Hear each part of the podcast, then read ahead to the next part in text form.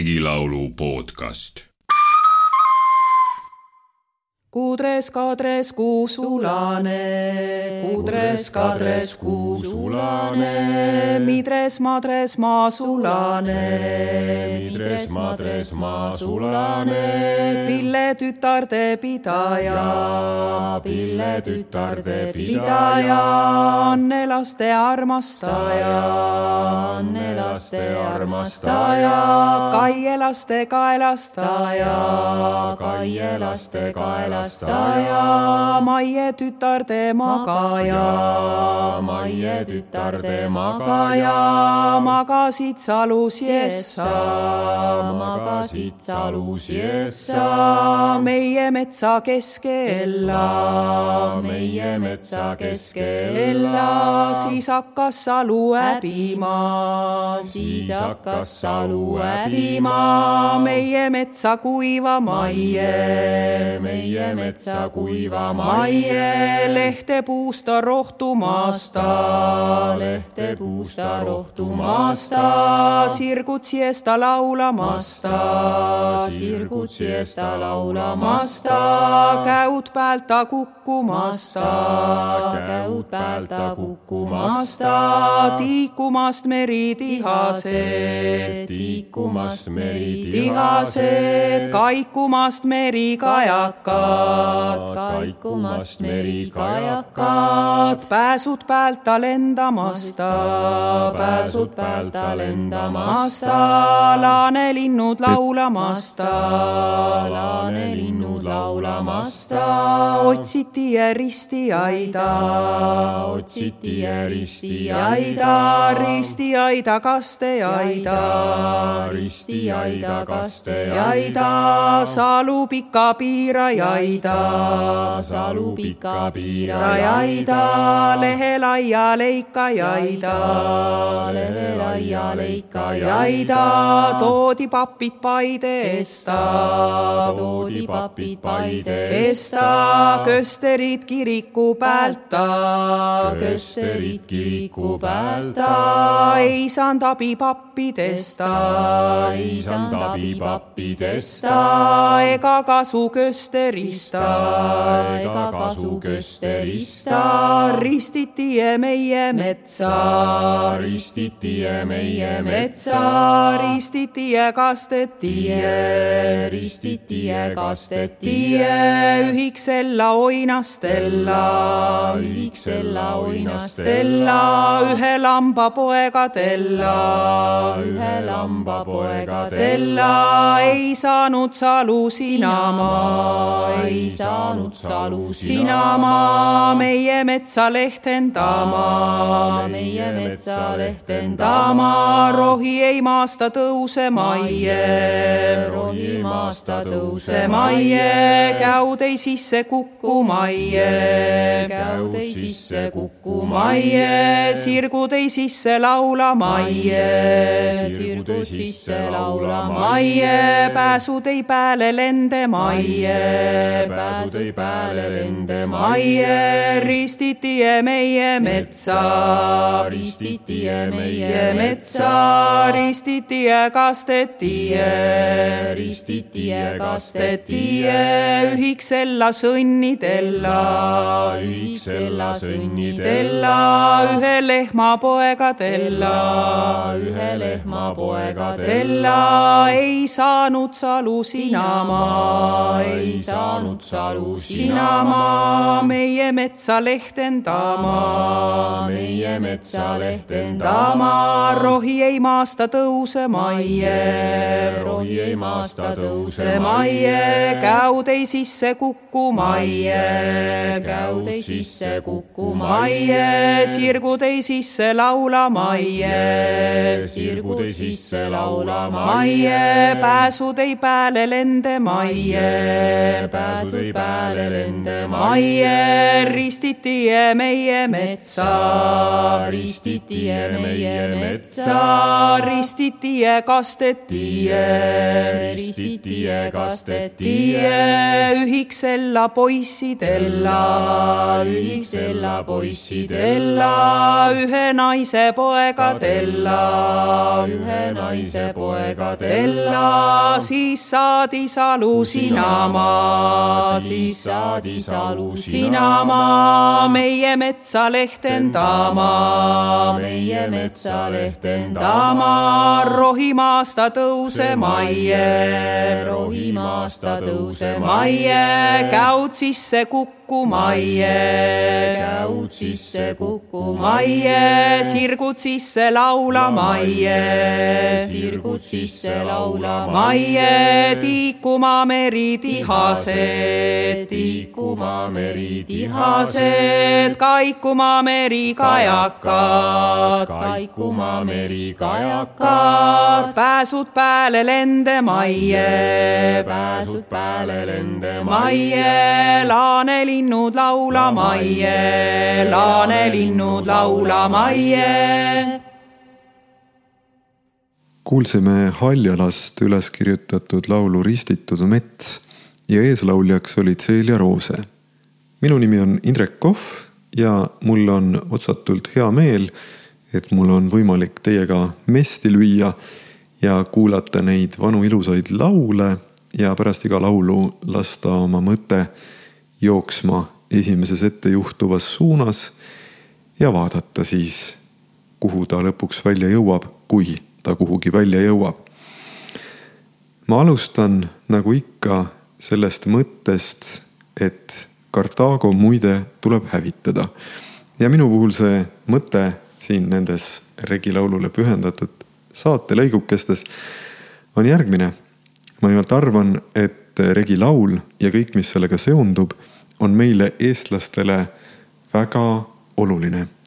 ja et me ei tohiks sellest liiga kaugele jääda. iseasi, kas sellest liiga kaugele jääda üldse võimalik on, kuivõrd ma arvan, et tegemist on tõepoolest meie olemuse väga olulise osaga, mingis mõttes sellise eestluse alusmüüriga. igatahes olen ma arvamisel, et väga hea on, kui õnnestub aeg-ajalt, kasvõi vahel harva, pisut mõelda selle peale, kust me pärit oleme, miks me oleme niisugused, nagu me oleme. ja siis äkki avastada, et ahaa, regilaul võib-olla saab meile sellest rääkida. regilaul või nagu Hasso Krull on oma suurepärases essees Loomise mõnu ja kiri öelnud, vana laul. mulle endale meeldib see vanalaulu nimetus ka väga. see võib-olla ei ütle eh, laulu vormi ja sisu kohta nii palju kui rahvaluule teadlaste pakutud regilaul, aga samas tundub niisugune laiem ja absoluutselt kõigile mõistetav. aga see selleks. ristitud mets, niisiis, see haljale versioon, mida täna kuulsime. kindlasti on tegemist väga vana lauluga, aga see laul ei saa olla päris eelajalooline. ta on iidne, aga mitte nii iidne, sest niisugune asi nagu ristimine jõudis ju meie maale ühes, ütleme siis sellega, mida nimetatakse ajalooks. kui eelnev on eelajalugu, millest meile suurt miskit teada ei ole, siis ühes ristijatega tuli ka dateeritav ajalugu ühes kõigi oma sündmuste ja muuga. nii et see laul jah, pärineb juba sellest ajast, kui kristlus oli otsapidi jõudnud siia kanti. see laul ühes oma tekstiga on minu arust absoluutselt vaimustav. ja taaskord sellepärast, et see pakub nii tohutult palju erinevaid tõlgendamise ja mõistmise võimalusi. ja ma pean ütlema, et mulle isiklikult meeldib väga-väga-väga see, et ei ole olemas õigeid vastuseid. me ei saa öelda, kuidas selle laulu sisu tuleb mõista. päris huvitav on, et seda laulu on ju ka palju analüüsitud ja uuritud. Ja ma toon hea meelega välja Uku Maasingu analüüsi, kus ta üritab siis läheneda sellele laulule kõigepealt nii, noh öeldes, et seda on varasemalt tõlgendatud nii, et äh, tegu ei ole mütoloogilise lauluga. ja et palju on väidetud, et Eestis mütoloogilisi laule üldse ei ole. aga, ja noh, mingis mõttes on ta sellega ka nõus, ehkki ta ütleb, et äh, suur osa mütoloogiast on liikunud mängudesse ja, ja laste rahvaluulesse nii-öelda.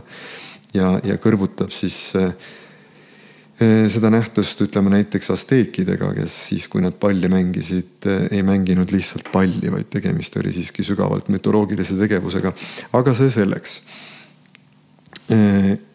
Mis mulle väga läheb korda selle Uku Masingu laulu analüüsi puhul, on see, et ka tema ei väsi oma üsna lühikese artikli jooksul kordamast, et siin on väga palju seda, mida me ei saa üheselt mõista ja mida me tõenäoliselt lihtsalt ei saagi enam mõista, sellepärast et äh, me oleme ajaliselt jäänud väga kaugele sellest ajast, kui see laul on loodud.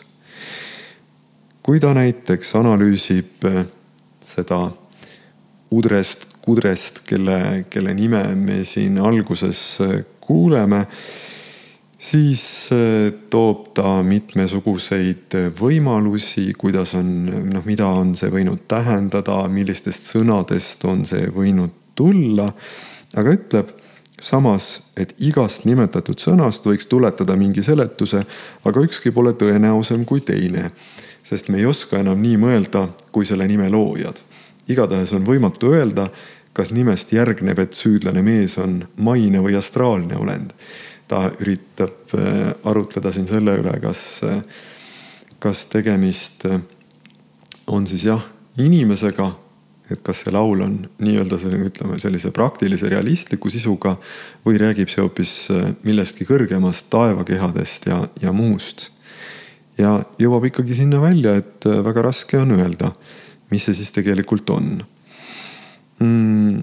kui me vaatame seda laulu, mis me siis näeme, mis siin toimub keegi on metsas maganud ja selle versiooni järgi, mida täna kuulsime, võib küll arvata, et keegi ei ole metsas mitte lihtsalt niisama maganud, vaid keegi on kellegagi maganud.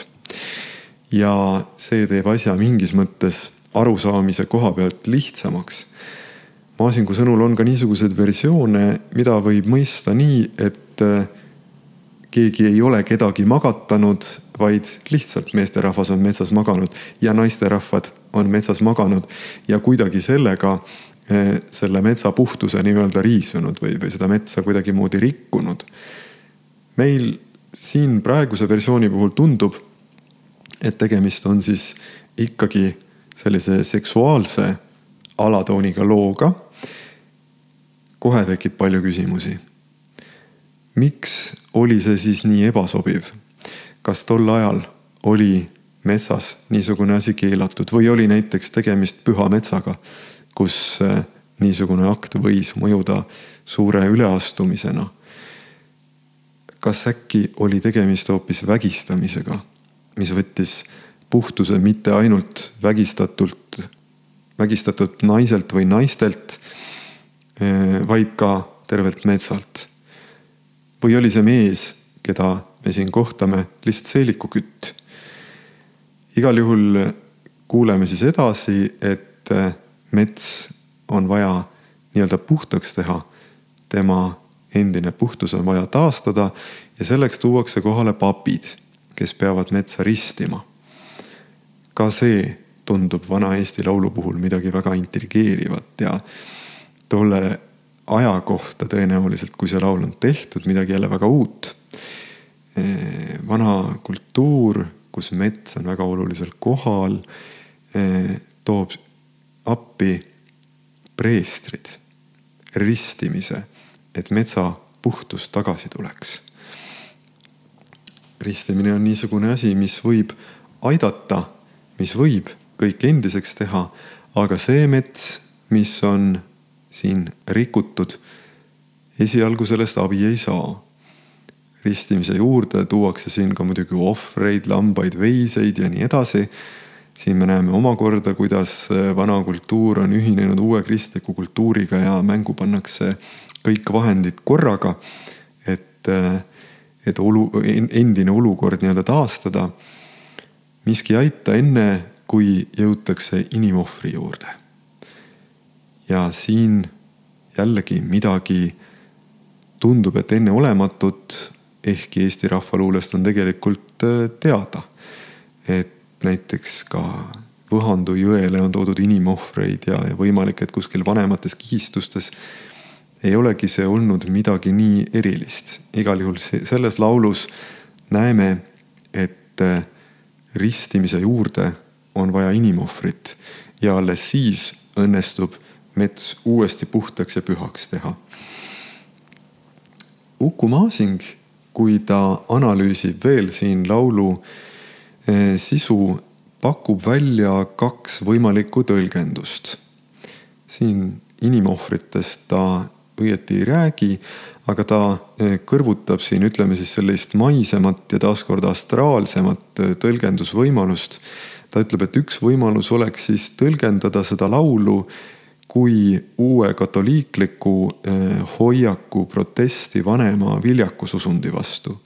tähendab, et metsas on keegi toime pannud nii-öelda viljakusriituse. inimesed on seal paari heitnud ja uue katoliku usu esindajad ei ole sellise asjaga päri ja soovivad, et mets ristitaks. Masing niisugusesse tõlgendusse ei usu ja pigem leiab, et võib-olla võiks seda tõlgendada nii, et tegu on siiski taevakehadega, võib-olla kukkus meteoriiditükk metsa, mets hävis ja e, toodi siis paatrid õnnistama, et, e, et see mets võiks jälle haljendama lüüa. Äh, ja nagu ma juba enne ütlesin, Masing tunnistab ise igal sammul, et äh, me võime siin arutada ja oletada, aga ega selle laulu puhul ühte selget vastust, ühte selget lahendust olla ei saa. mulle tundub, et äh, me oleme jällegi sattunud niisuguse laulu peale mis on ka tänapäeva mõistes käsitletav suurepärase kunstiteosena. sest eks ole ju nii, et kui kunstiteos on üheselt arusaadav, siis ei olegi see õieti kunstiteos. meil on siin väga palju erinevaid arusaamise viise, erinevaid sümboleid ja e, võib-olla sobibki siia lõppu lisada veel üks sümbol, mis seostub praeguse ajaga ja sellega, mis toimub Eesti metsades, nii kunagistes pühapaikades kui ka lihtsalt metsades praegu. Seda on ju ka nimetatud metsa vägistamiseks. kas ei või siit tuua paralleeli selle vana lauluga? kui vaadata seda, kuidas mets praegu kannatab, kas oleks meil nüüd vaja leida keegi või miski kes saaks tulla meie metsa kaitsma, selle ära ristida. ja siis võiksime vast loota, et metsad löövad jälle endise jõuga haljendama. Igal juhul üks ütlemata põnev laul, mida tasub korduvalt üle kuulata ja ka kaasa laulda, sest nagu enamik regilaule on see niisugune, mis lausa kutsub kaasa laulma